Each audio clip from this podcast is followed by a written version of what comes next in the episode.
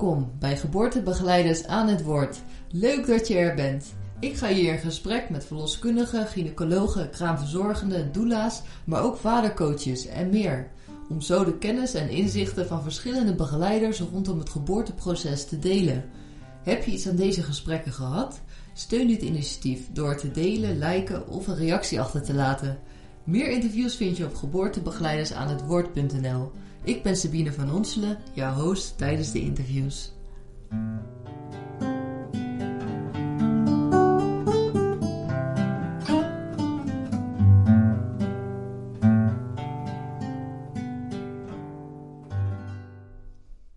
Vandaag heb ik een leuke gast, of beter gezegd gastvrouw voor jullie. Zij verstaat gastvrijheid en goede verzorging als geen ander. Ik heb het over Joka Jongslager, zelfstandige kraamverzorgster en partnersassistente bij thuisbevallingen.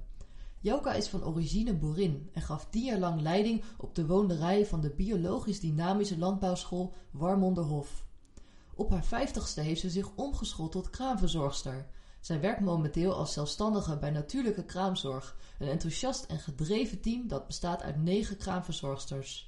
Ze hebben kort geleden een eenmalig tijdschrift uitgegeven, genaamd Moederen, een erg mooi, informatief en veelzijdig magazine. Meer hierover op natuurlijkkramen.nl.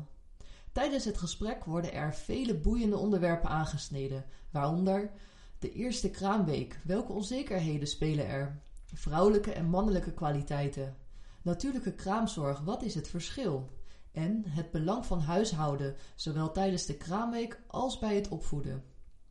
Na het luisteren van het interview zal je de taak huishouding anders gaan bekijken. Ik kreeg er in ieder geval weer veel zin in. Hallo allemaal, leuk dat je er weer bent. Ik zit vandaag met Joka Jongslager aan tafel. We zitten in Amsterdam in haar huis op de derde etage. Eh, er staat een heerlijke pure chocola en blueberries eh, op tafel en we zitten aan de thee. En ik ben ontzettend uh, benieuwd naar uh, Joka's verhalen als kraamverzorgende. Ze werkt bij Natuurlijke Kraamzorg, waar uh, acht andere zelfstandige kraamverzorgers ook werken. Um, zij is hiervoor boerin geweest. daar wil ik eigenlijk mijn eerste vraag over stellen. Maar allereerst bedankt dat, dat ik dit interview mag doen. Dankjewel, Joka. Leuk, welkom. Dankjewel. Mm. En um, ja, om inderdaad met de deur in huis te vallen. Je bent hiervoor, heb je de opleiding Boerin uh, gevolgd en ook uh, heel lang gewerkt.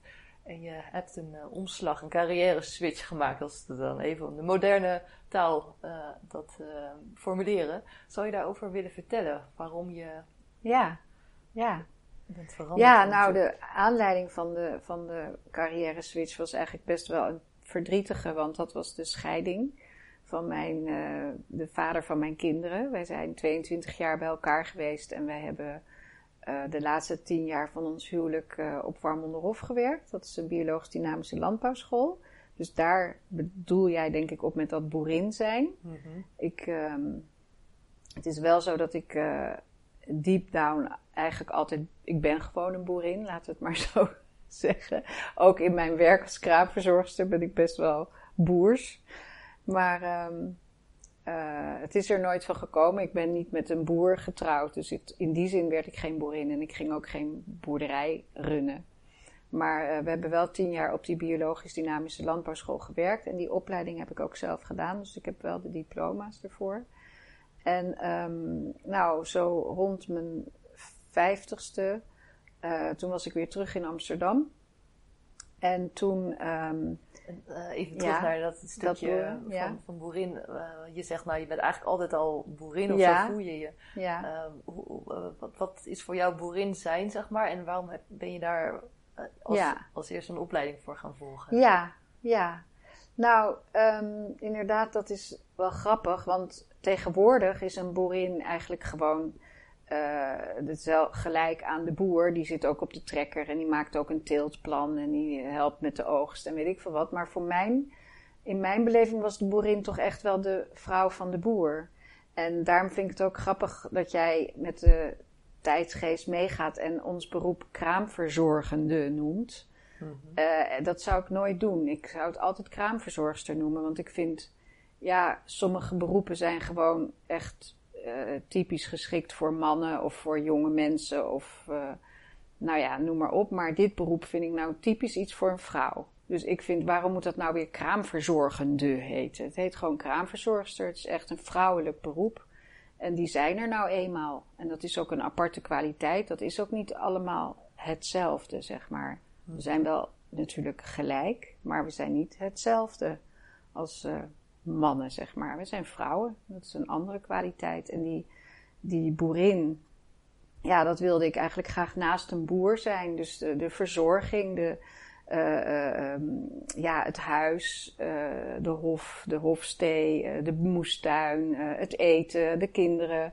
Gewoon alles wat daarbij kwam kijken. Ik was eigenlijk geïnspireerd door een rolmodel van mijn tante. Tante Hit, daar logeerde ik vroeger altijd. En dat was gewoon, ja, dat wil, zo wilde ik eigenlijk leven. En dat was niet als boer, dat was echt als boerin. -hmm. Ja, prachtig. Ja, het, uh, het is inderdaad uh, omschakelen. We, kennen het vooral van, uh, nou, op de ecoplaatsen dan zie je een mooie plaatje, zeg maar. maar het is vaak niet meer wat, wat veel wordt uitgevoerd of over wordt verteld, inderdaad. En, um, dus het, is, was dus dus als, als het zeg maar niet aan de scheiding lag, dan was, was het zo doorgegaan voor ja, jou. ja, nou ja, daar hadden wij wel een, een zeg maar dien, dienstbare functie ook. Dus in die zin is dat wel de rode lijn in mijn leven. Dat ik wel altijd in, in dienende, dienstbare beroepen heb gewerkt. Ik ben natuurlijk ook moeder van vier kinderen. En uh, moederschap, uh, nou ik wil niet zeggen dat dat dienend is, maar er zit ook een zorgtaak, uh, een zorgende kant aan. En um, waar wil ik naartoe? Wat vroeg je ook alweer?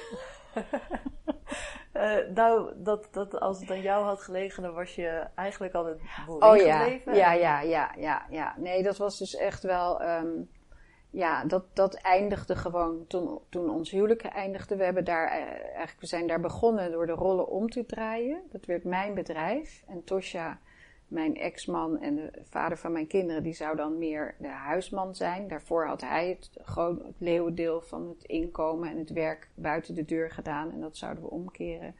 En ja, dat heeft eigenlijk helemaal niet gewerkt voor ons. Dat is, uh, nou. Moest het omkeren? Waarom moesten jullie dat omkeren? Uh, nou, omdat het eigenlijk mijn uh, kwaliteit en talent was wat we daar op Warmonderhof gingen doen. Dus de woonderij heette dat. Die leerlingen woonden daar intern. Dat mhm. faciliteerden wij. We hadden een grote zaal, een grote keuken. Ik kookte voor die leerlingen. Ook in de zomers, als zij de oogst deden, dan de, hadden we de zomerpraktijk. En dan stond ik in de keuken en dan kookten we voor 40, 50 leerlingen die daar dan aten. Dus het was echt, um, ja, die functie heette ook hoofdwonen, die wij samen vervulden. Maar um, zeg maar dat, dat, het, dat het mijn bedrijf was, dat heeft niet echt voor ons gewerkt. Hij voelde zich een beetje daardoor de conciërge, zou ik maar zeggen. En later ook een soort uh, van Prins Klaus. en Prins Klaus was gewoon, ja, dat, dat was ook weer voor mij niet zo aantrekkelijk om een Prins Klaus naast me te ja. hebben. En, um, Zit dat denk je in die vrouwelijke en mannelijke archetype rollen, zeg maar? Ja, denk het wel. En nou, nou niet zozeer dat het niet zou kunnen, want het -hmm. zal echt op sommige plekken wel slagen. Maar vooral dat wij er onvoldoende en, en niet, niet goed genoeg over hebben gecommuniceerd en het ook niet genoeg in ons bewustzijn hadden. Dat het, kijk, dit vertel ik je nu, hmm. nadat wij al 17 jaar geleden gescheiden zijn en ik daar natuurlijk hard aan heb gewerkt om dat een plek te geven. En hoe is dat gekomen en hoe is de, hoe, hoe, wat, wat, en hoe ga je überhaupt dan weer een nieuwe relatie aan, weet je wel? Wat is daar mislukt, zou ik maar zeggen. Hmm. Dus dat is nu achteraf een inzicht wat ik heb van ja het had best gekund, maar we hadden het ook beter een beetje uit elkaar. Wat gaat het opeens persoonlijk? Ik dacht dat we het over kraamzorg gingen hebben. Ja, maar ja, ja. oké, okay, never mind. Het is ook heel interessant dit. Ja, we hadden het eigenlijk, als we het ons beter bewust waren geweest van wat onze ieder zelfstandige kwaliteit waren geweest, dan hadden we dat nooit zo mixed up uh, gemaakt, zou ik maar zeggen. Maar we waren idealistisch en we gingen dat doen. We, we hebben ontzettend veel uh, ad hoc beslissingen genomen. Kom, we gaan het doen. Leuk, we gaan daarheen. Uh. En het heeft ook hele, hele erg leuke jaren opgeleverd trouwens. We hebben er ook hele fijne tijden gehad. Ja, maar ja. om nou, bij dat kraamzorg terechtgekomen te, te komen, dat was wel ook nog wel een leuk verhaal hoor. Want toen kwam ik mhm. echt weer terug in Amsterdam. De oudste twee kinderen waren eigenlijk het huis uit. En de jongste twee wilden hier uh, terug en hier hun opleiding, hun school afmaken. en mijn ex-man ook. En ik liep echt de allereerste dag dat ik terug was in Amsterdam op de Nieuwmarkt. En ik had dus geen huis meer, geen werk meer en geen, uh, ja, geen inkomsten. Uh, ja, wat, wat moest ik doen? En daar liep ik mijn eigen verloskundige tegen het lijf. Beatrice Smulders, die oh, alle vier mijn kinderen uh, zeg maar even op de wereld heeft gezet. Of, daar was zat ik bij in de praktijk. Want je woonde dus daarvoor in Amsterdam? Ja. Echt. We, de kinderen zijn in Amsterdam geboren. Mm -hmm. En toen de jongste twee was, zijn we naar uh, nog, nog, wat omwegen in Dronten ga, gaan wonen. En daar hebben we die school geleid. En toen ik daar weer van terugkwam, dus hoe noem je dat? Berooid of zo? Of met niets meer hè, gescheiden, zonder werk, zonder huis, kwam ik haar tegen. Echt gewoon, hup. Ik dacht nog, nou, ze zal mij wel niet herkennen. Ze heeft duizenden vrouwen, baby's, eh, hebben baby's bij haar gekregen. Maar dat was helemaal niet waar. Zij zei juist, hé hey, Joka, hoe gaat het met jou? Nou ja, toen zei ik dus, nou slecht. Hè? Ik heb uh, dit, ik sta op straat, ik heb geen... Nou, zei ze, kom maar bij mij werken. Wauw. Dus ik, uh, oké. Okay. En toen heeft ze me ook nog aan een huis uh, geholpen voor dat eerste jaar. Dus uh, eigenlijk waren er toen al meteen eh, de eerste dag twee problemen uit de wereld. En in het traject wat ik met haar ben gegaan, want toen ben ik niet meteen kraamverzorgster geworden, maar wij hadden eigenlijk plannen om een soort van kraamhuis op te zetten samen. Wat ik eigenlijk net zoals op Warmonderhof zou beheren. Als een soort uh, gastvrouw. En ik zou daar koken voor vrouwen die daar zouden komen baren. En ik zou de houtjes hakken voor de vuren. Die zouden we gaan stoken. En, Was nou, helemaal in jouw lijn? Helemaal in mijn lijn. En dat zou ik eigenlijk gaan doen. En toen zei Beatrice, weet je wat, ga dan ook gewoon even die kraamopleiding doen. Want dan kan je ook nog assisteren officieel bij die bevallingen. Nou, dat ben ik gaan doen. En terwijl ik het aan het doen was, uh, liep die hele samenwerking met haar eigenlijk spaak. Dat hele huis ging niet door en nou ja, van alles en nog wat. En toen was ik toch kraamverzorgster. Wat ik eigenlijk een heel erg leuk beroep vond. Wauw, dus het is echt op je pad gekomen. Ja, letterlijk. Bijzonder. En, en dat was ook, hoe was het vanaf het eerste begin? Was het ook meteen een klik voor jou of was het heel erg wennen? Um, ja, nou vooral dat... Um, met die baby's, dat, dat was heel veel kraamverzorgers hoor je dan van ja, want ik heb zo, ben zo dol op baby's en dat lijkt me zo leuk om dat werk te doen, maar dat had ik helemaal niet zo. Maar daarentegen vond ik dus met die jonge vrouwen werken heel erg leuk. En ik vind ook leuk um, de, uh, de kant uh, van echt uh, de voorwaarden scheppen vind ik heel leuk. Ik hou er gewoon van om het huis lekker op te ruimen en, en gezellig te maken en lekker te koken en op die manier eh, zorg voor iemand te dragen. En dat is ook echt wel iets wat ik uh, leuk vind om op de podcast te zeggen. Ja. Want dat is iets wat echt wegbezuinigd wil worden op dit moment. Omdat er gewoon een beetje neergekeken wordt op die huishoudelijke taken. Van nou, dat kan er wel uit, uit die kraamzorg. Dat kan wel een beetje minder uren. Want uh, ze willen eigenlijk dat vak een beetje upgraden, zeg maar. Dat je alleen maar komt om de baby te temperaturen en te wegen en de kraamvrouw uh, voorlichting te geven over borstvoeding. En dat hele echt zorgende, dat dienende, dat willen, willen ze er eigenlijk uit. Dat moet de mantelzorg maar doen. Ook prima. Maar ik vind juist, het kan niet zonder elkaar. Om zo'n vrouw echt een fijne, geziene tijd te geven van acht dagen lang hoort het erbij dat je haar bed lekker verschoont. Dat je even soep kookt. Dat je terwijl je uh, de, de was zit te vouwen op haar bed haar eventjes wat vertelt over het moederschap. Wat haar te wachten staat. Weet je, het is een fantastische tool eigenlijk, dat huishouden, om in haar buurt bezig te zijn. Haar vertrouwen te winnen ook hoe lekker als jij in bed ligt en je hoort iemand die keukenkastjes open en dicht doen en lekker tsch, alles voor jou doen. En die stofzuiger gaat door het huis. Je weet, daar wordt allemaal voor gezorgd. En de geuren ruiken. Ja, en intussen lig ik hier lekker, lekker met mijn babytje. En, en als ik een vraag heb, kan ik die stellen. Dus het is ook zo'n gekke, gekke uh, gedachtenkronkel om, om dat eruit te halen en, en daarmee dat, dat beroep een soort van meer aanzien te geven. Ja, het is toch echt wel maatschappelijk issue dat het huishouden als niets doen gezien wordt. Hè? Ook van oudsher natuurlijk. Eerst dat gaan spelen, die, die gedacht, dat gedachtegoed, zeg maar. Ja. Nou, eerlijk gezegd hebben vrouwen er zelf heel erg aan meegewerkt. Hè? Want nog steeds uh, heet het dus dat je parttime werkt. Als je kinderen hebt, hè, dan werk je dus parttime buiten de deur.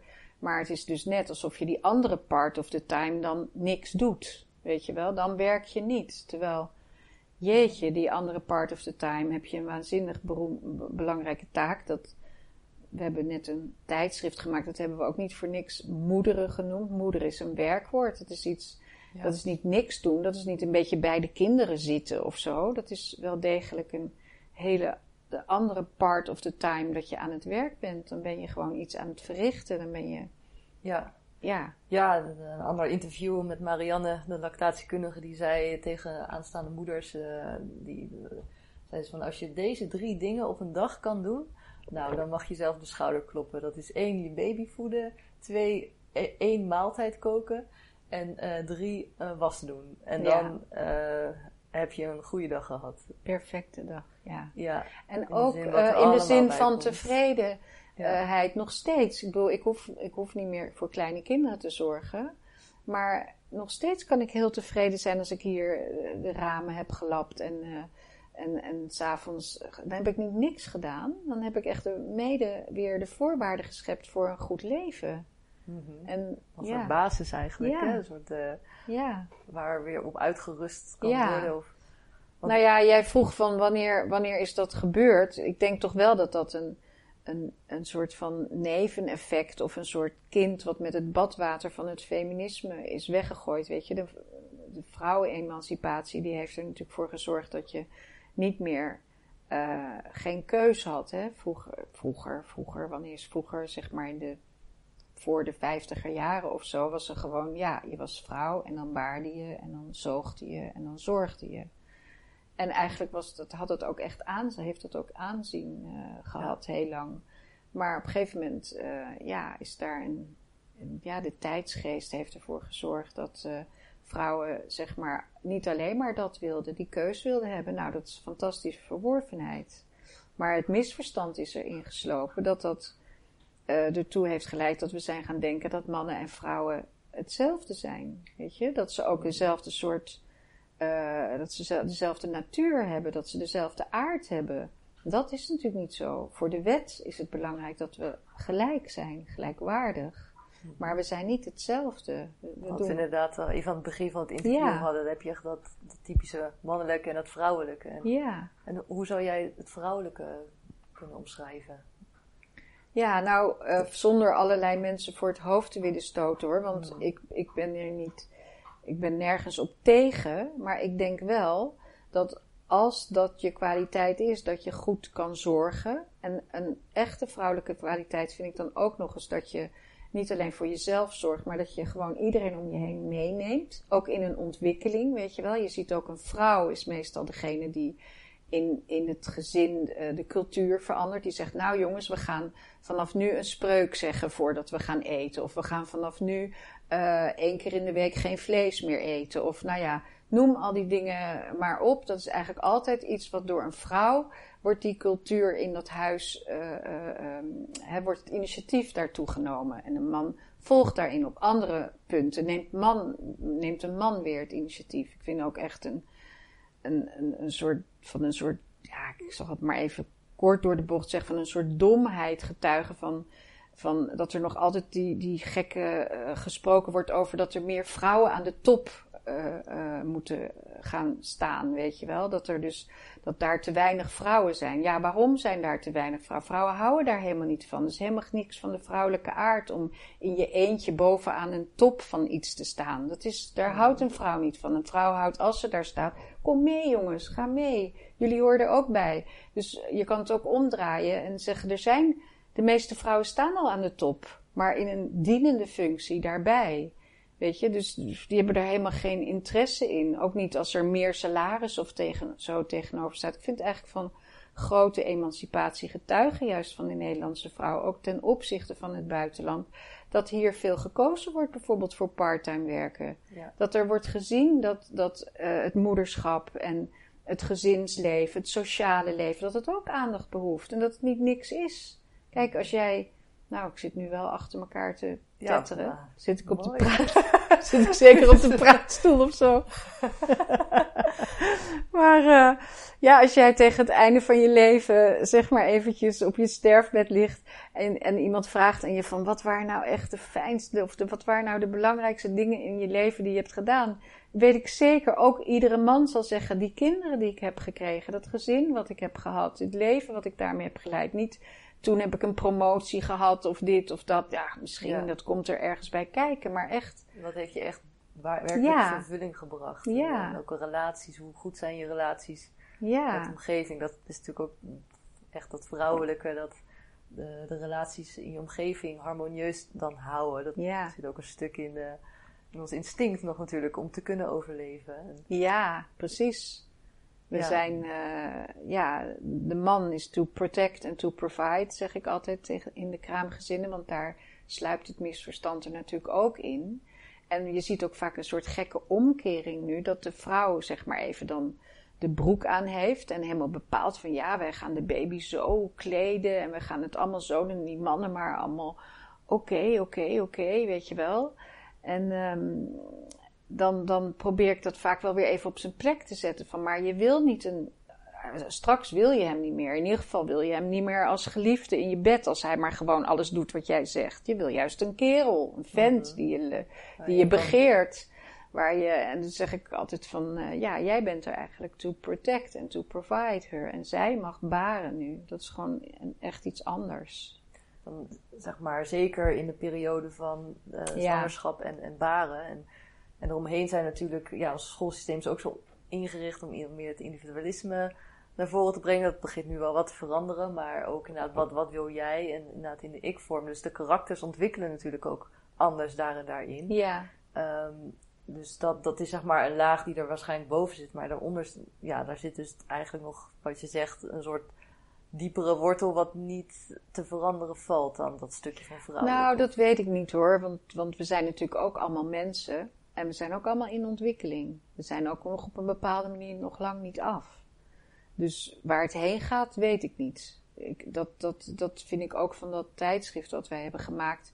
Dat is echt niet een soort eindstatement uh, van zo zit het. Dat is echt iets wat in ontwikkeling is. En waar je, nou, wat ik net vertelde over mijn leven. Hè, als ik terugkijk, uh, toen ik in die tijd op Warmonderhof zat en daarna en in die scheiding was ik echt, nou ik wil niet zeggen iemand anders, maar wel, um, ja, daar, daar heb ik me wel aan ontwikkeld. Dat is wel een fase geweest. Dat is niet iets blijvends en zo. Mhm. Kijk ik ook echt wel tegen mensen aan. Dus ik weet niet, kijk, die, die emancipatie uh, van vrouwen is natuurlijk noodzakelijk geweest, maar op een bepaalde manier een beetje doorgeslagen.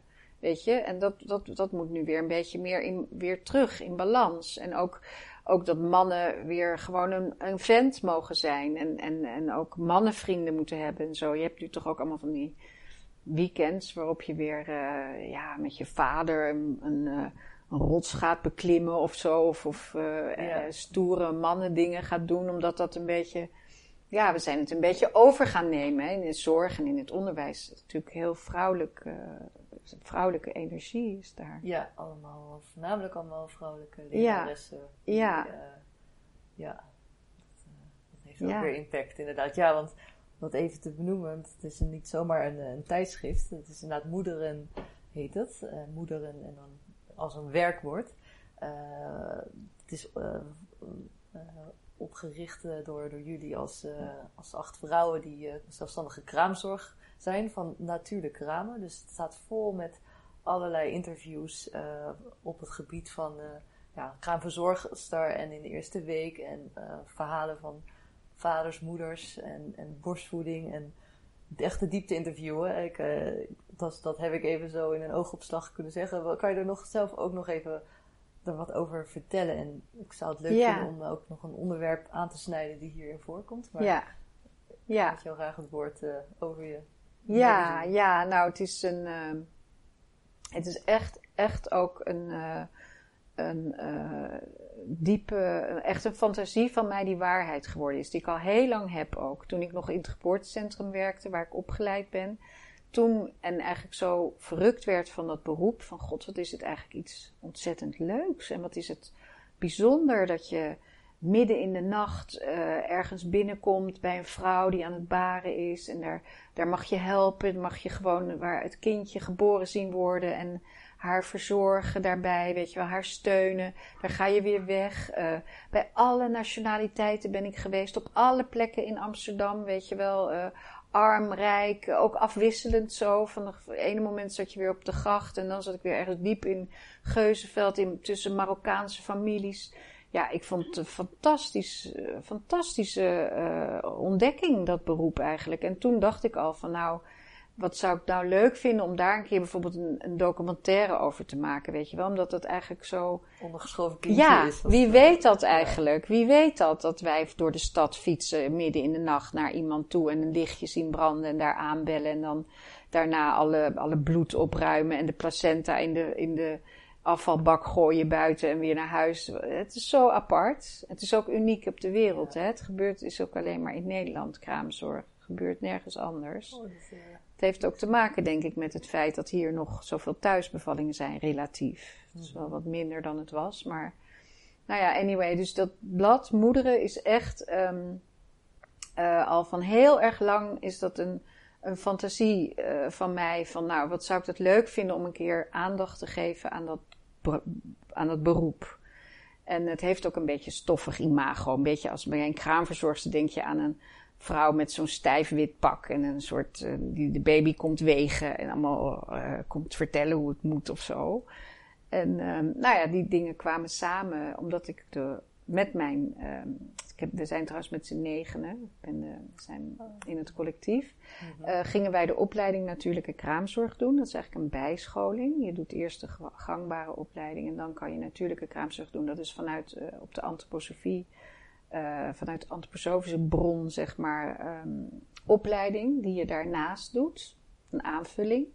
En wij gaven die kraamzorg eigenlijk al altijd op die manier. Maar um, uh, los van ons was die opleiding er gekomen. En kon je ook in een kwaliteitsregister vermeld worden als je die opleiding had gedaan. Nou, het leek ons een beetje te gek dat wij degene zijn die dat al jaren geven. En dat wij niet in dat kwaliteitsregister zouden staan. En bovendien vonden we het een super informatieve en goede opleiding.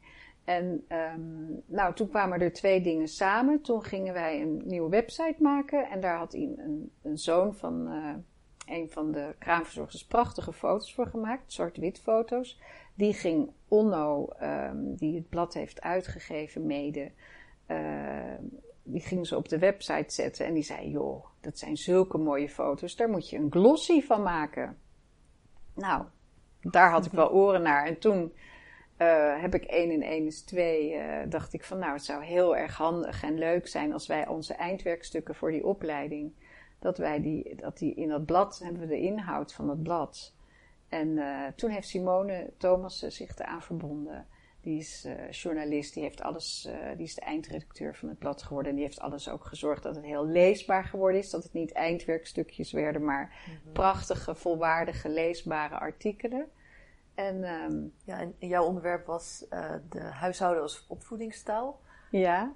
kan je daar wat, nou, daar heb je natuurlijk net al even wat, wat aan over verteld. Ja. Maar zou je daar nog wat meer over willen vertellen? Dat is echt jouw manier inderdaad van werk uit te voeren als kraamverzorgster. Mm -hmm.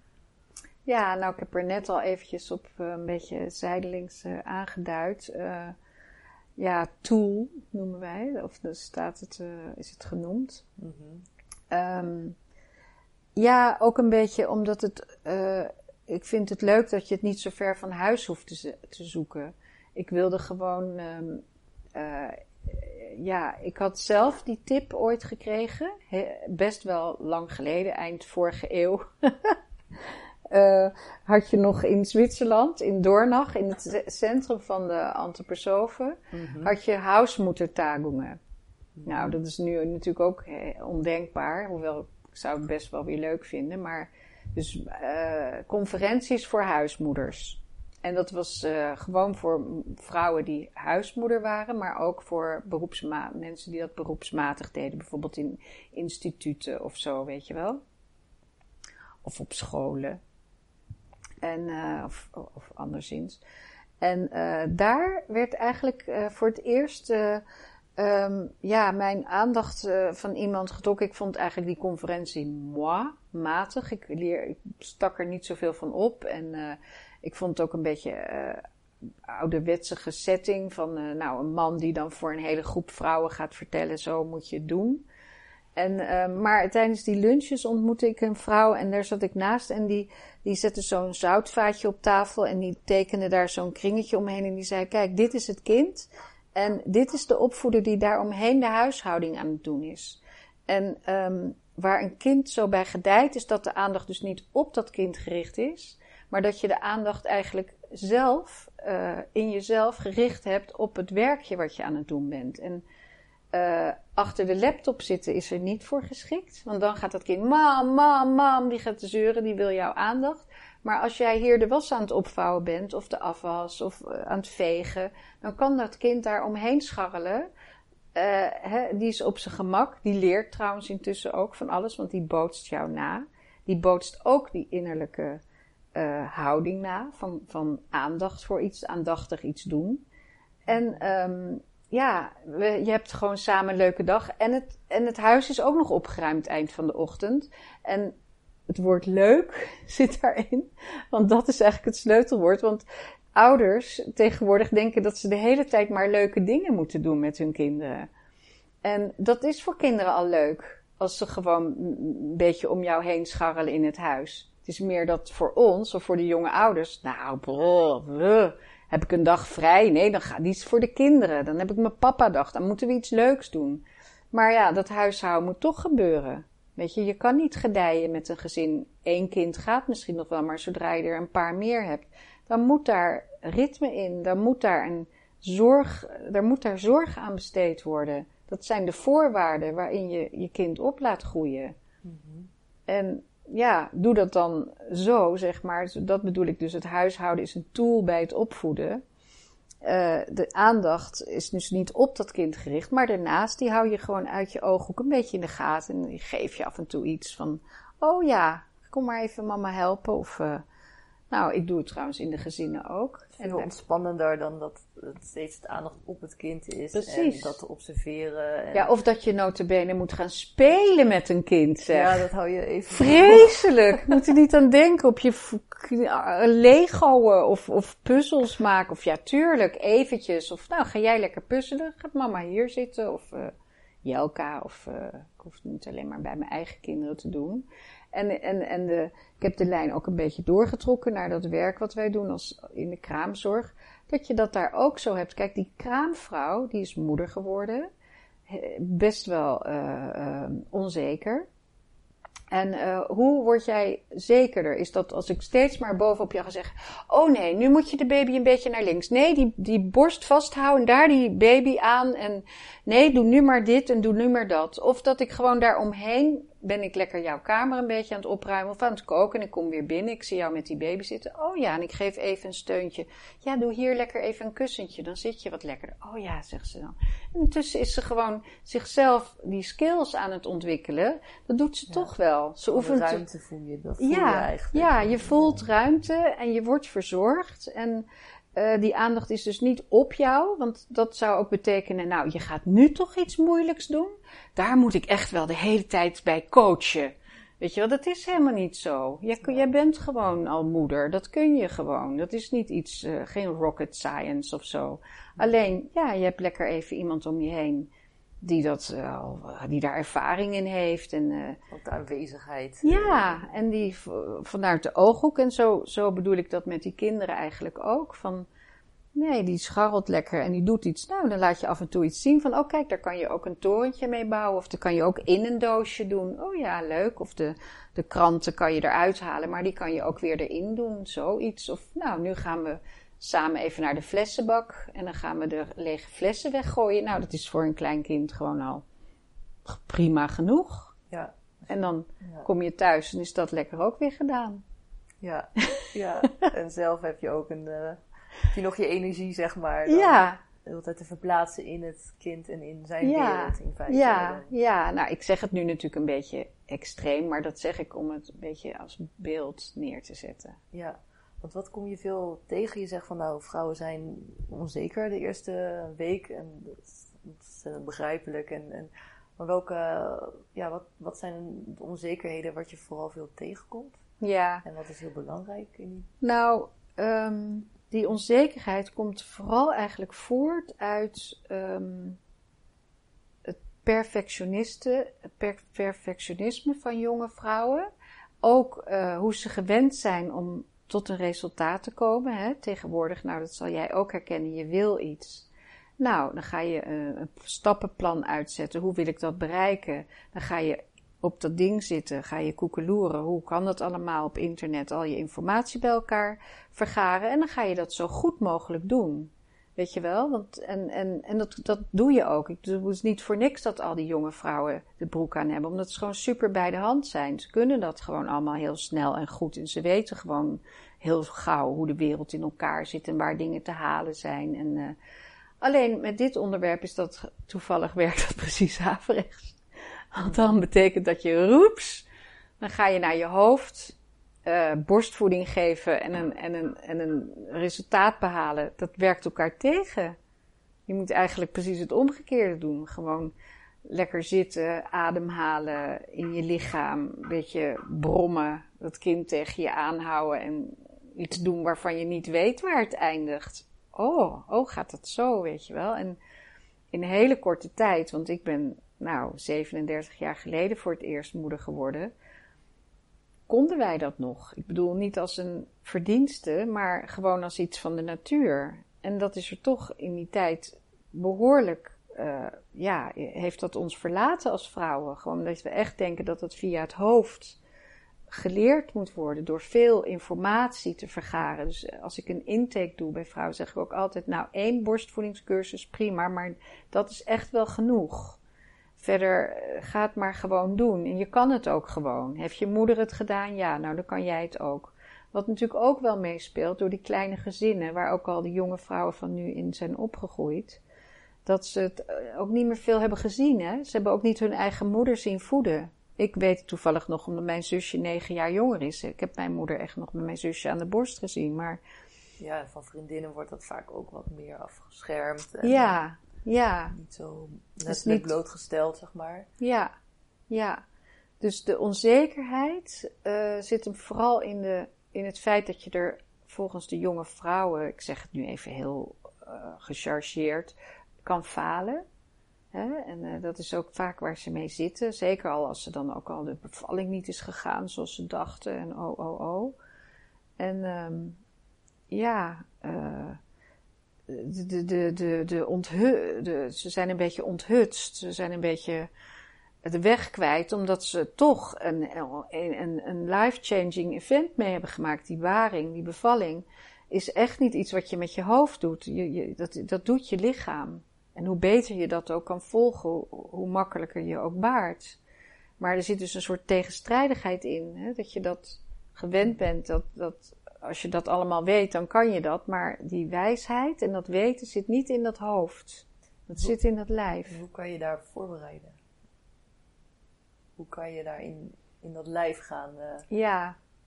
Nou, ik zeg altijd, uh, wat ik heel belangrijk vind, wat ik in de intakegesprek in de zevende maand zeg van, hou alsjeblieft op tijd op met werken. Want heel veel vrouwen denken tegenwoordig, nou, daarvoor, uh, omdat ze dat zelf geloof ik mogen bepalen of zo, gaan ze zo lang mogelijk door. Want dan hebben ze daarna meer tijd. Nou, forget it. Die hele tijd daarvoor is al één lange begin van de baring. Dat je gewoon naar binnen keert. Dat je gewoon, want, want het werk is ook vaak met je hoofd. Dat is precies de omgekeerde beweging die je aan het maken bent. En deadlines halen en zo, weet je wel. Dus, dus uh, probeer gewoon op tijd te stoppen met werken. Um, iets wat bijvoorbeeld uh, meespeelt, is dat je al heel lang voordat je gaat bevallen, slaap je slechter s'nachts. Althans, dat noemen wij slecht slapen. Maar dat is eigenlijk gewoon al voorbereiding op dat jij straks, als het kindje er is, om de drie uur wakker wordt om te voeden. Hè? Als ja, jij, overleving van ja, het kindje. Dus eh, in de tijd dat jij dat nog moet combineren met allemaal werk buiten de deur, is dat heel onhandig. Ik slaap zo slecht, ja, dan kan ik niet meer concentreren. Nee, dat klopt. Dat is de natuur is ook, uh, wij hebben een mooi zinnetje, vind ik, uh, op onze website staan. heb ik ge, geciteerd van Geert Mak uit een boek over ik geloof hoe God verdween uit Jorwert, maar dat, dat weet ik niet meer precies. Maar ehm, daar zegt hij ook van, het is, een, een, uh, het is niet zo dat hoe meer wij weten, dat, uh, hoe, hoe dat grote mysterie daarmee verkleint. Hè? Door meer te weten, mm verklein je niet dat grote mysterie. Je kan beter andersom aanvaarden dat er een groot mysterie is waar jij deel van bent. Daarom vind ik het ook mooi dat het natuurlijke kraamzorg heet en niet antroposofische kraamzorg. Want natuurlijk is iets wat we allemaal zijn. We zijn allemaal deel van de natuur. En het leuke is ook nog dat na naître, het Franse naître, dat is geboren worden. Dus wat is er natuurlijker dan geboren worden? Moeder worden, vader worden. Ja, zit al in dat is zeg het. maar. Dus ja, eigenlijk niet ja. van, ook nee, dus hoe, kan ik gebruiken. Het nee, meer- hoe bereid je je voor? Dat is eigenlijk daarheen gaan. Ja, En nou, vooral dus zou ik zeggen van hou alsjeblieft op tijd op met dat werk buiten de deur. Ga naar binnen. En ik zeg ook gewoon hele praktische dingen. Ga lekker breien. Ga iets zelf maken voor dat kindje. Weet je wel, je hoeft niet alles online te bestellen. eh, De beste van het beste. Ga lekker iets maken. En dan kom je ook in zo'n soort, soort mood van: oh ja, dan heb ik nog wel daar een knoopje en dat ga ik er aanzetten. En dan dan ben je die cultuur in huis al een beetje aan het veranderen, waar ik het ook al over heb gehad. Van, daar ben jij de hoedster van. Eigenlijk de priesteres van die cultuur in de huizen. De kerken zijn leeg, maar de, de jonge vrouwen zijn eigenlijk de nieuwe priesteressen. Die, die bepalen eigenlijk van, van hoe, hoe gaan we eigenlijk met elkaar om? Hoe is onze cultuur? De cultuur waar onze kinderen, kleinkinderen van mij, dan later op terug. Ja, bij ons ging het vroeger zo. Mijn moeder had een grote verstelmand, ik zeg maar wat, en die repareerde de kleren nog. Weet je wel, of mijn moeder had alleen maar een grote grijze loungebank en een hele grote zwarte tv er tegenover. En daar ben ik in opgegroeid, ja. Ik overdrijf ja, alles, hè. ja, ja. Nee, om het, met het beelden te maken. Oh, ik hoor meteen al iedereen. Oh, oh, oh, oh, oh. Ja, maar goed, het, het, is, het is wel anders of je aanwezig bent, zeg maar, in wat je doet, het hier en nu, dan wanneer je bijvoorbeeld iets volgt op tv bijvoorbeeld. En dan eh, kan je maar alleen Ja. daarop concentreren, als het ware. Nou ja, en je moet ook niet gek zijn te kijken dat als jij zelf alleen maar met beeldschermpjes bezig bent, dat je kind niet zelfstandig leuk kan spelen. Hoe, hoe, waar moet het daar, hoe moet dat zien? Kijk, waar moet dat zien hoe je jezelf vermaakt en hoe je lekker speelt? Dat ziet het niet aan jou. Als jij naar een beeldscherm zit te kijken, dan gaat dat kind ook een blok tegen zijn oor doen en de hele tijd zo rondlopen. ja. Het is niet dat jij voor hoeft te doen hoe je speelt, maar wel hoe jij innerlijk je met iets verbindt, iets maakt, echt handelingen doet. Ja. Ambachten zijn dat eigenlijk. Ja, ja je, bent, nou, je bent zelf vier kinderen, dus hoe was jouw tijd? Hoe zou je dat beschrijven? Was dat... Nou, gelukkig ben ik eh, wat dat betreft helemaal geen goede moeder geweest, dus ik durf het ook te zeggen, snap je? Ik, eh, ik, ben, ik ben met honderdduizend andere dingen altijd bezig geweest. Ik had dat drukke bedrijf. Ik had heel veel, of niet heel veel, maar een, een werkster die bij ons al het huishouden deed, omdat ik daar helemaal geen tijd voor had. Dus eh, ik durf het ook te zeggen. Hè? Het is ook niet Ja. dat, ik, dat ik een vrouw dan afkraak van ik weet het, want ik heb het ook allemaal moeten ondervinden. En als ik terugkijk, denk ik ook heel vaak van god wat jammer dat ik... eh, dat ik eigenlijk zo weinig tijd eh, heb gehad om gewoon met de kinderen te zijn. En, eh, Wanneer besefte je dat? Dat je zeg maar, op die manier terugkeek? nou, eigenlijk pas toen ik kleinkinderen kreeg. Dacht ik van, oh, wat, wat leuk zijn ze, wat klein en wat, wat, wat gaat het eigenlijk snel allemaal. En toen merkte ik ook dat ik me heel veel dingen helemaal niet kon herinneren van mijn eigen kinderen. Niet dat ik een gevoel heb van ik ben een slechte moeder geweest, maar ik heb bijvoorbeeld al helemaal nooit met ze gespeeld. Of spelletjes doen hou ik ook helemaal niet van. Ik, ik hou wel heel erg dat zij hier spelletjes zitten doen en dan ga ik lekker koken voor ze. Of Ja. eh, even erbij zitten of kletsen. Of, eh, ja, nee, dat. Het was echt een ontdekking in ook het beroep wat je dan nu uitvoert. En, en, en eigenlijk Ja, en ik zeg ook tegen, eh. tegen jonge moeders van wat ik echt ben vergeten, wat ik zelf ook helemaal niet meegekregen van huis uit. eh, om, om gewoon lekker een beetje met ze te hangen, een beetje te knuffelen en een beetje gewoon lekker bij elkaar te hangen. ik ben wat dat betreft wel echt heel Fries en heel. Uh, ja, opvoeding was ook anders ja, op dat gebied. Ja, het moest altijd wat gedaan. Het moest altijd bepaald nut hebben. En, ja, dat zou ik, uh, als ik dat allemaal, als ik dat allemaal nog eens moest doen, zou ik dat wel anders doen. Ja, ja. Maar wat je dan nu wel probeert uit te dragen in, in je rol als kraamzorgster. Ja, en, ja en daar ook in die zin eerlijk over ben. Niet van, zo denk ik dat het moet, maar dat ik ook echt wel, daarom heb ik ook altijd leuke band met die vrouw. Omdat ik gewoon ook openhartig ben. Dat zeg ik dan. Van god, dat ben ik gewoon vergeten. Dat heb ik overgeslagen of te weinig gedaan. Van, Denk daaraan, doe dat. En ook, ja, niet om mezelf nou zo belangrijk te vinden, maar ik kom wel heel vaak kraamvrouwen tegen. Ik herken ze dan natuurlijk niet meer, want dan zien ze helemaal beautiful eruit. Want ik zie ze alleen maar in dat kraambed hebben ze opeens mooi haar en hakjes. En oh, Jelka. Ik denk nog altijd aan wat je toen zei, weet je wel. nou, dat is eigenlijk best wel leuk. Het is ook een tijd in die acht dagen dat zo'n vrouw natuurlijk super open is. Op alle, op alle fronten, zeg Heel maar. Heel intiem ook eigenlijk. Ja. Alles ja. delen ook. Of... Ja, en ik, ik, raak die vrouw natuurlijk ook veel aan. Je bent gewoon... Uh, ja, je geeft ze even een voetmassage of je geeft ze een aai over hun bol of ze huilen, weet je wel. Dat hoort er allemaal bij. Ja. En wat is uh, vooral het belangrijkste in die eerste week? Voor de moeder, uh, de vader Rust, en ritme en regelmaat. De, R, de drie R's. De drie R'en en richting en relatie, een heleboel R'en. Nou, dat is eigenlijk best belangrijk. Vooral ook... Uh, dat ze voldoende slaap krijgen. En dat heeft weer te maken met dat jij als kraamverzorgster daar uh, wel ook een beetje in kan sturen. Dat jij ook, natuurlijk willen ze dan, uh, hebben ze gelezen of willen ze de hele tijd met die baby, want dat is dan heel belangrijk voor de hechting.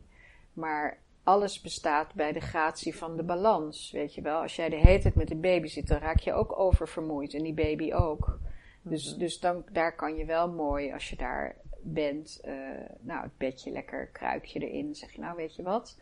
Als je dan dadelijk uh, ga jij even douchen, dan doen we het babytje even in zijn eigen bedje. Dus ook, dan geef je het babytje ook iets mee. Dat het een eigen plekje heeft en dat het lekker een beetje stil daar in de hoek mag staan en dat het in zijn eigen wereldje mag zijn. Dus dat is al het begin met een soort ritme wat je erin brengt. En dan, oh, dan merk je ook komen ze, oh lekker zeg even, oh heerlijk. En dan verheugen ze zich weer op de volgende voeding dus ja, in die zin denk ik wel dat ritme heel belangrijk. Nou ja, rust natuurlijk. Ja, ja dat komt ook, uh, ritmisch leven, dat komt ook in het uh, magazine voor. Is, ja. dat, is daar aan ja. gelinkt? Ja, heel erg. Toen ik dat, uh, dat heeft Joyce geschreven, ook heel leuk. Of tenminste, het deed mij heel erg denken aan, um, hoe heet die film ook weer van Peter Sellers, dat hij de tuinman is. Ken je die? Mm. De Gar, het heet, nee, de, Heet het nou The Gardener? Of, nou, maakt niet uit. Maar in ieder geval is het een heel geestige film. Dat hij dus de tuinman is en hij, hij wordt beroemd. In ieder geval gaan alle mensen gaan aan hem vragen, maar hoe doe je dat dan? En dan zegt hij alleen maar, na de lente komt de zomer. En na de zomer komt de herfst. Weet je wel, gewoon een soort totale open deur, maar het is wel de waarheid. En dat is dat met dat ritme ook. Gewoon. Het vouwt zich vanzelf. Nou, het is gewoon na het slapen komt het voeden, dan komt het verschonen, dan komt het spelen, zal ik maar even zeggen. Spelen bestaat natuurlijk nog helemaal niet bij een pasgeboren baby, maar heel eventjes wakker zijn en knuffelen en dan komt weer het slapen. En dan komt weer het voeden. Ik bedoel, dat is gewoon zo. En dat staat ook in dat stuk over dat ritmisch leven zo beschreven. Het klinkt heel simpel, maar doe het maar eens, weet je wel. Want ja. ja. En, en als je het doet, zal je merken, het werkt. Het klinkt super saai, maar. Ja, nou ja, dat, dat, we hadden het net inderdaad weer over het huishouden. En dat vind ik toch ontzettend nog steeds een heel mooi, boeiend onderwerp. En dat slaat ook hier uh, uh, op terug. Ja. Um, is eigenlijk dat het, het, huishouden op zich wordt vaak gezien als inderdaad van, nou, moet dat weer? En dan kunnen we niet een huishoudster inhuren en dat soort dingen. Dat, dat, dat, ja, wat jij eigenlijk zegt, dat er dat getransformeerd wordt naar iets veel, uh, veel meer omvattend, zeg maar. En, um, en net, net zoals bijvoorbeeld ook kan zijn borstvoeding. Ja, nee, ik geef mijn kind uh, voeding en dat is goede voeding. Maar dat is ook veel meer dan alleen borstvoeding. Het gaat ook om het contact maken met je kind. Ook je eigen ja. Uh, ja hormonen die worden aangemaakt enzovoort, zeg maar. En dat, dat hoort ja. terug in jouw verhaal van het stukje van het, dat huishouden. Dat, uh, ja, dat het zeker niet minder waardig is. En eigenlijk iets uh, nou, heiligs is natuurlijk weer overtroffen. Maar iets heel essentieels is heel basis. Ja. En, um, ja, hoe dat inderdaad zo ontstaan is, dat dat veranderd is. En, en dat vind ik ontzettend mooi. Nou, ik, ik heb het net uh, ook weer zo aan de lijve ondervonden. Want ik ben zeven weken in Oostenrijk geweest. Heb ik niet kraamzorgd, maar heb ik gewoon in een hotel uh, gewerkt van Nanja, van een van mijn collega's. Die daar een hotel heeft overgenomen van haar broer. En daar heb ik iedere ochtend de afwas gedaan. Van de, alle hotelgasten. De tafels afgeruimd en de tafels weer gedekt. Nou, eigenlijk oh, ja, best wel saai, denk je. En oh, nou ook best wel zwaar. Iedere dag, weet je wel, om zeven uur opstaan, de afwas doen. En om uur of twaalf was ik dan klaar met alles. Maar wauw, joh, wat me dat een structuur gaf. En wat me dat ook een mogelijkheid gaf om steeds weer uh, een soort feedback op mezelf te geven, weet je wel. Want dan, dan, dan dacht ik, uh, hoeveel gedachten en meningen en oordelen erover de hele tijd maar in je opkomen als je dat aan het doen bent. En hoe je dan weer jezelf kan helpen door gewoon adem te halen en te denken van hier ben ik en dit ga ik gewoon netjes afmaken. En dat alles straks weer schoon en gewassen in de kast staat. Dat was mijn taak. Ik had ook uh, gezegd, Nanja, ik kom je helpen. Dus ik wist ook, ik help haar hiermee, want dat hoeft zij dan niet te doen. Nou, ja, zoiets simpels, maar zoiets ook helends voor mij, maar ook uh, um, ja, confronterend in de zin van dat ik ook al die dingen steeds maar tegenkwam. Nou is het nou nog niet klaar, weet je wel. Nou, nu. Uh, of, of dat ik dacht, nou dan, uh, weet je wat, dat doe ik dan wel morgen of zo. Maar steeds weer, nee, maak het nou gewoon af. Doe het nou gewoon goed. Want ja, wat is eigenlijk het verschil? Of je nou dit goed doet of nou dit, dit interview of weet ik veel wat je allemaal voor belangrijke dingen. Daar is eigenlijk geen verschil tussen. Het gaat eigenlijk bij alles om hoe doe je het. Ja. Helemaal niet om wat.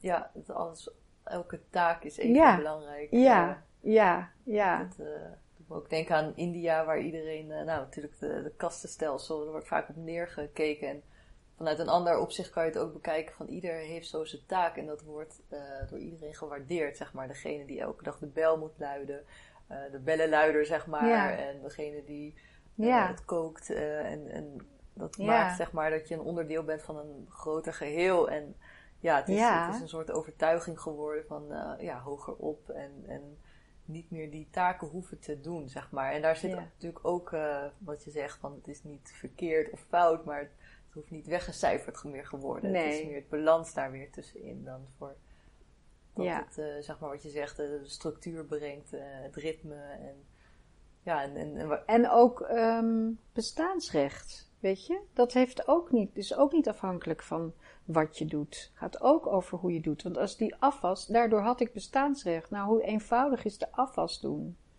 Weet je wel, dat, ja. en daardoor mocht ik daar zijn verdiende ik mijn verblijf daar, zeg maar. En werd ik gewaardeerd, voelde ik mezelf tevreden. was gewoon de afwas doen.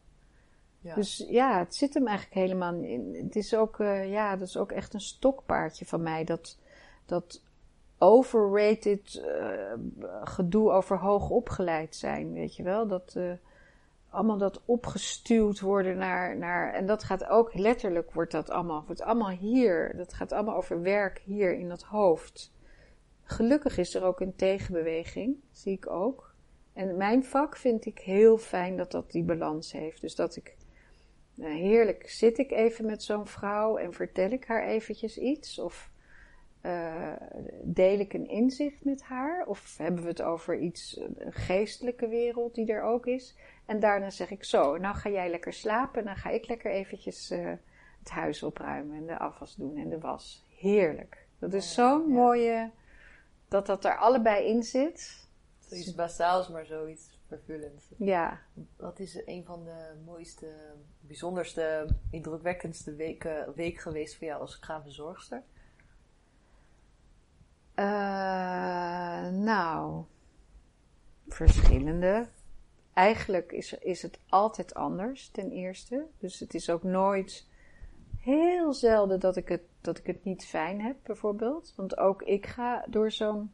Door, die, door dat ritme van die week, hè, omdat dat ook een filosofie van ons is, dat we acht dagen één gezicht uh, in een, aan een kraambed doen.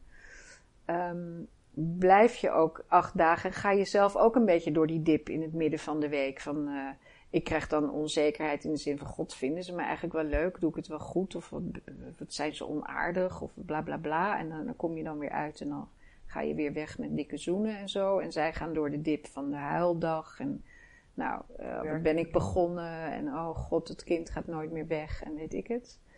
En um, dus, dus wat dat betreft. Uh, uh, nou, er zijn natuurlijk toch een paar weken die er wel uitschieten. En het eerste wat me dan bijvoorbeeld te binnen schiet, is dat ik ook wel eens heb overleden bij, eh, bij een overleden kindje heb gekraamd. Dat, daar is natuurlijk ook een kraamvrouw. Er is een dood kindje. En, uh, dat in, je, in die week. Uh...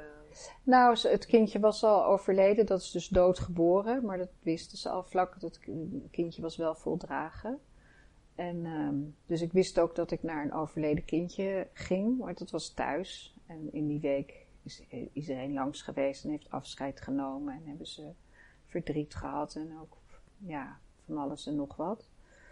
Nou ja, dat is wel iets, um, dat blijft je wel bij. Dat is niet een hele gewone kraamweek, maar ik moet zeggen dat het ook, ondanks dat het heel verdrietige kanten had, ook een hele, daar kan, kon dus ook heel veel betekenen ja, hoe fijn is het daar als lekker het eten klaar staat, als lekker toch het huis opgeruimd is, als de bloemen allemaal mooi neergezet zijn, weet je wel, dan daar kun je zo fijn uh, aanwezig zijn en voorwaarden scheppen.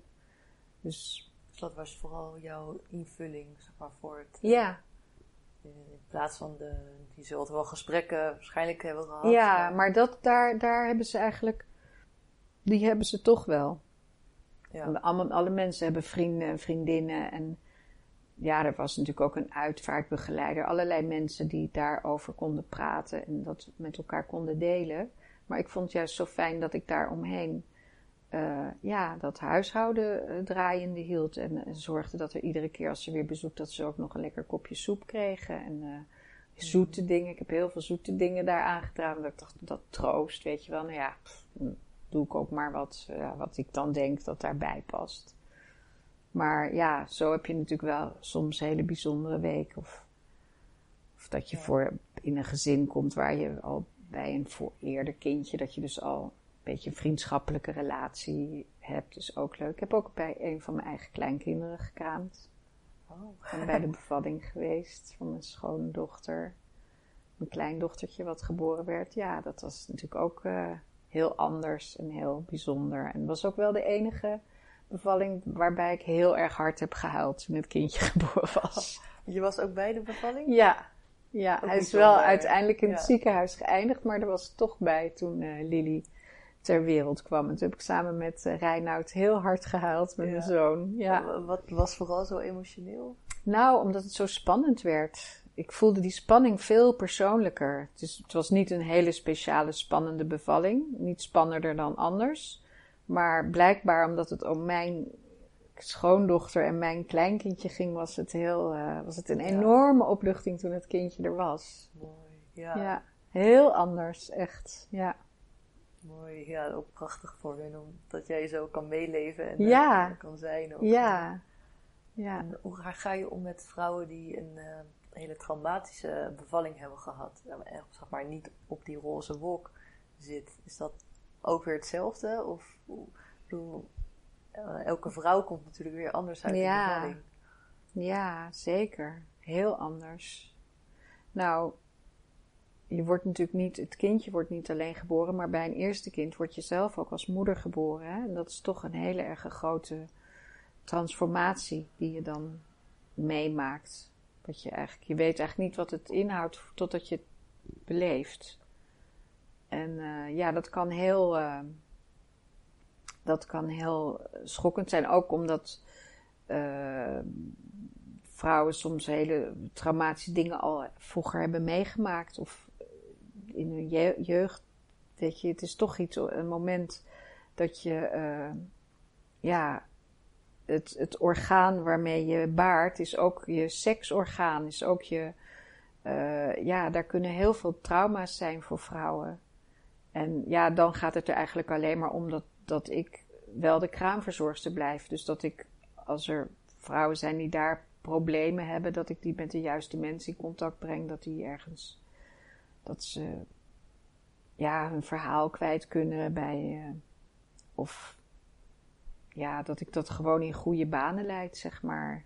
Zelf ook luister hoor. Mm. Maar ik ben natuurlijk niet een therapeut, ik ben ook niet een arts, ik ben niet een, een uh, ja, ik ben de kraamverzorgster. Dus ik ben allround. En, en daarin uh, geef ik wel adviezen of, of, draag ik mensen aan of zeg ik zou je misschien dat kunnen doen. Of, ja, er is natuurlijk een enorm netwerk, zeker in Amsterdam, met allerlei birth workers, zal ik maar zeggen, die van, van alles kunnen uh, begeleiden. En, ja, daarin, uh, ja. ja.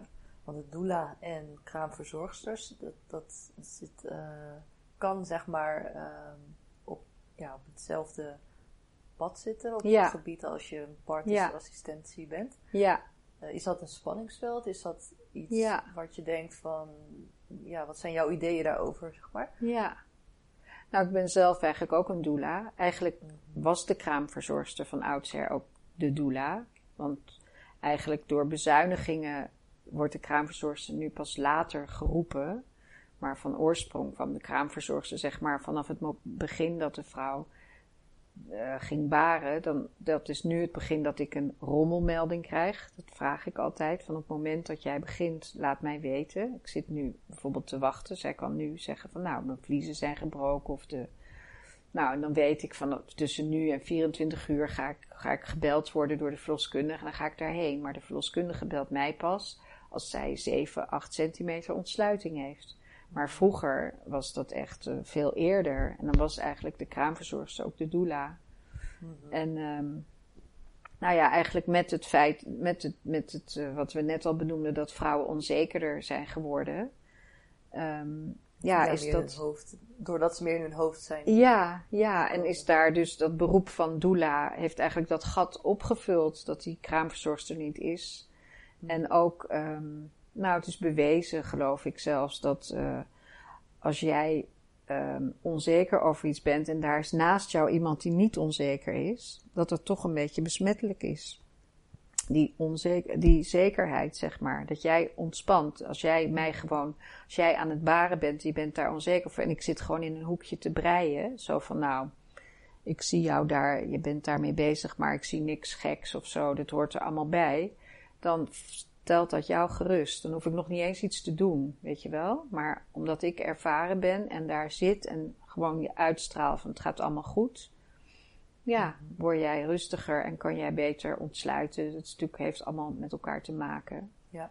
En als jij makkelijker ontsluit, dan ga je beter persen. Nou ja, noem het allemaal maar op. Ja, als je heel geobserveerd wordt, dan kan je ook veroordeeld voelen. Ja. Dan kan er weer allemaal gedachtenstromen komen ja. enzovoort. En ja, ja. Of, oh, hoe gaat het dan wel goed? Weet je wel, dan denk je ook, oh, nou, het zal wel niet goed gaan, want ja. ze, doet zo zenuwachtig.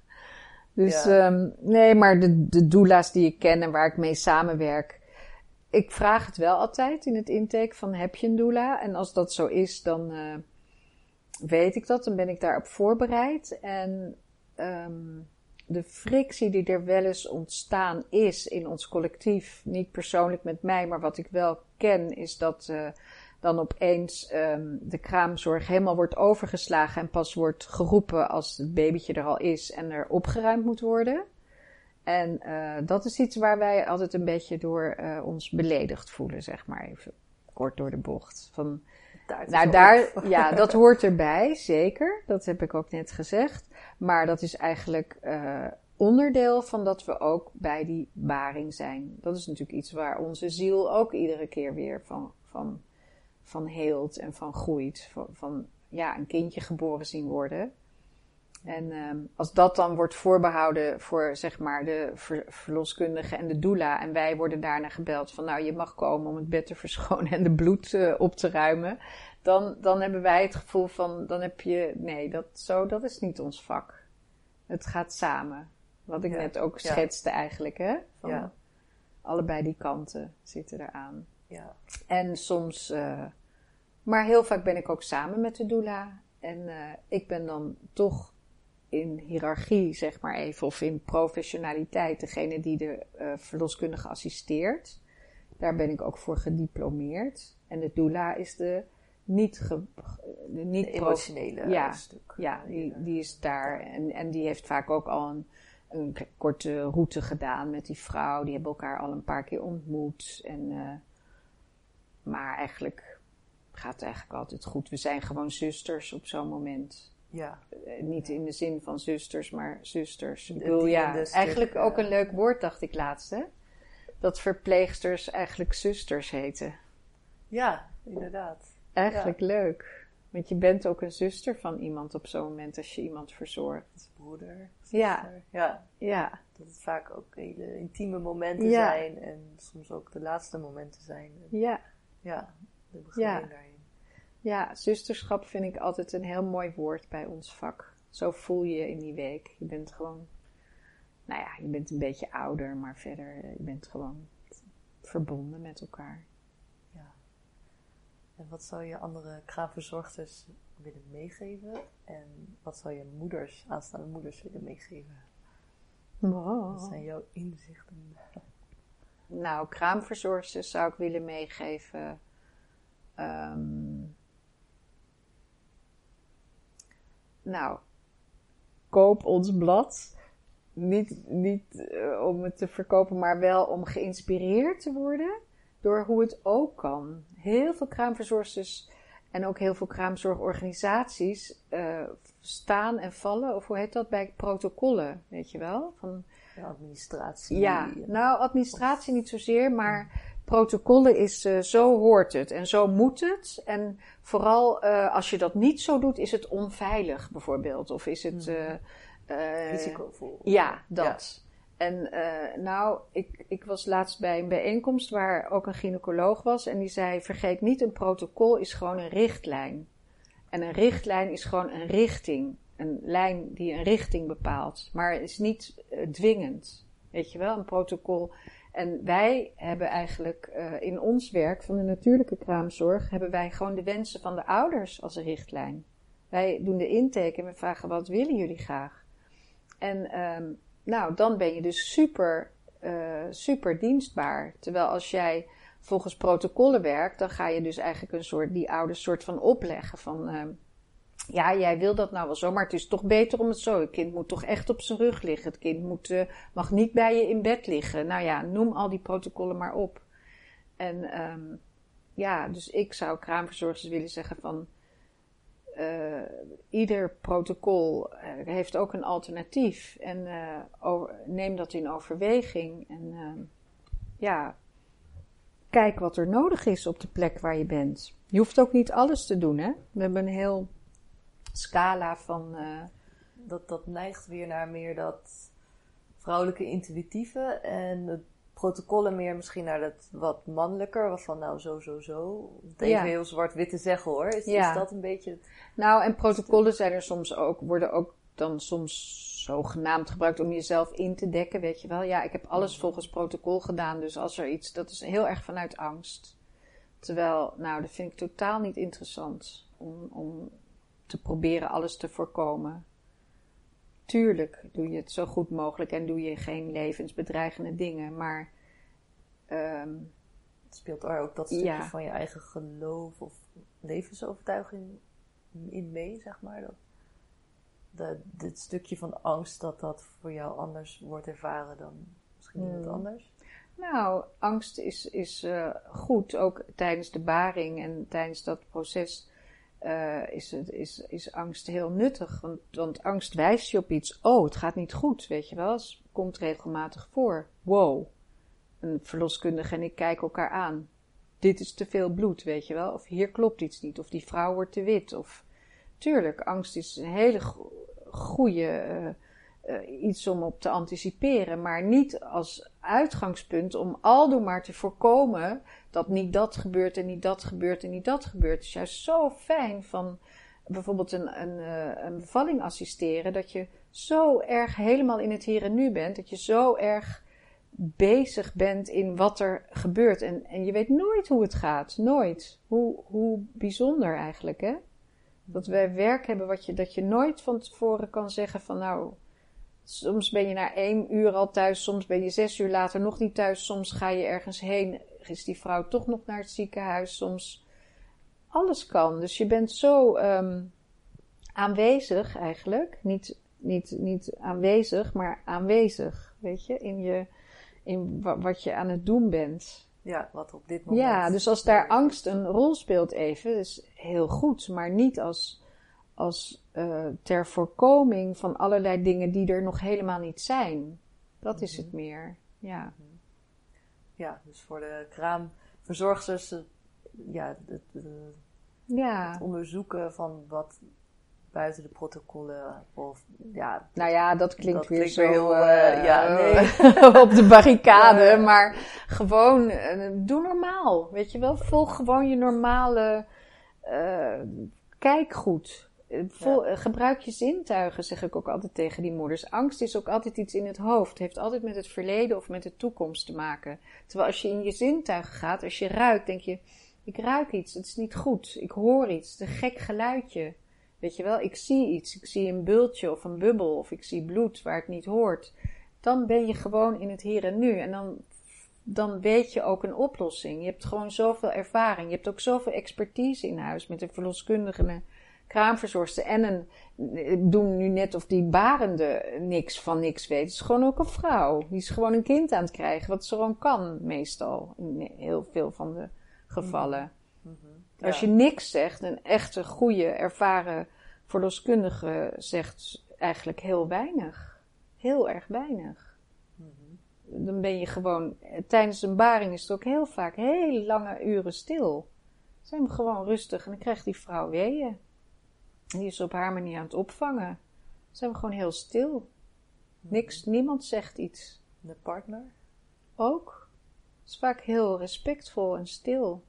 Gewoon Tenzij ze heel erg uh, met uh, Telefoon, uh. telefoons. En daar ben ik wel eens streng in. Daar, dat, dat zeg ik wel eens van, doe dat maar later. Zonde nu. Nu. Wees nu maar hier, weet je wel. Of gaan ze al bellen, ja, het is bezig. Of, nou, het is er bijna. Ik doe nou niet, want je weet het nog helemaal niet. Straks moet je weer bellen van, we zijn toch naar het ziekenhuis of zo. Mm -hmm. Heel erg, dat is wel van invloed tegenwoordig. Ja, dat, uh, ja, en ja, ik ben nou eigenlijk ook benieuwd, dat schiet me nu binnen. We hebben natuurlijk heel veel over de vrouw en de eerste week en, en de baby, maar hoe gaat dat met de partner? Die is dan ook opeens thuis, ook een nieuwe situatie. Ja. Uh, vang jij dat ook op een bepaalde manier op? Uh, dat, zit weer... Ja, nou ik word vaak een teampje hè, met de vader. Dan zeg ik van mhm. nou wij gaan samen goed voor haar zorgen. Zij doet toch het werk. Want dat is ook een beetje van, ja, wij zijn zwanger en wij gaan bevallen. Nou, forget it hoor. Die, dat is toch echt wel die vrouw die dat doet. Die vrouw die draagt dat kind en die gaat dat ook baren. En jij bent erbij als man. Heel fijn, fantastisch. En uh, nou ja, in die kraamweek zijn we vaak een team. Van nou, doe jij dit en doe ik dat. En, uh, maar ik, die man verzorg ik vaak net zo goed. Dat vind ik ook leuk gaan jullie maar lekker, ik maak lekker eten voor jullie. Of uh, ga maar lekker met dat babytje zitten, ga maar kijken. Ja. En uh, ik ben ook best wel, altijd ergens in de week zeg ik wel even tegen die jongens van... En ben je al een avondje met je vrienden naar de kroeg geweest om het te vieren, weet je wel? Ik, ja, dat is ook een, een kant die er is. Die hoef je niet te ontkennen, die is er gewoon. En uh, zijn ze vaak heel opgewonden. Oh ja, oh mag dat ook, weet je wel? Oh, ik dacht dat ik de hele week op mijn sokken hier uh, alles moest doen wat jullie zeiden. Oh ja, nee, ik ben ook nog gewoon een jongen die uh, het op die manier viert, weet je wel? Ja, ja, ja. Dus nou ja, ik heb zelf drie zoons, dus okay, ja. ik weet goed hoe die iets vieren. Dus dat, dat, daar ben ik ook altijd wel van, dat ik dat soort van bewaak. Van nou, doe, doe, of ga lekker even sporten vandaag. Of uh, ja, het is toch een andere dynamiek, een man. Ja, dat kan me voorstellen dat je ook. Uh... Ja, maar ik heb vaak heel erg leuk met ze, met de vaders. Heel leuk. Heel veel lachen, ook vertrouwdheid. En ja, je hebt dat toch samen dan vaak meegemaakt. Hè?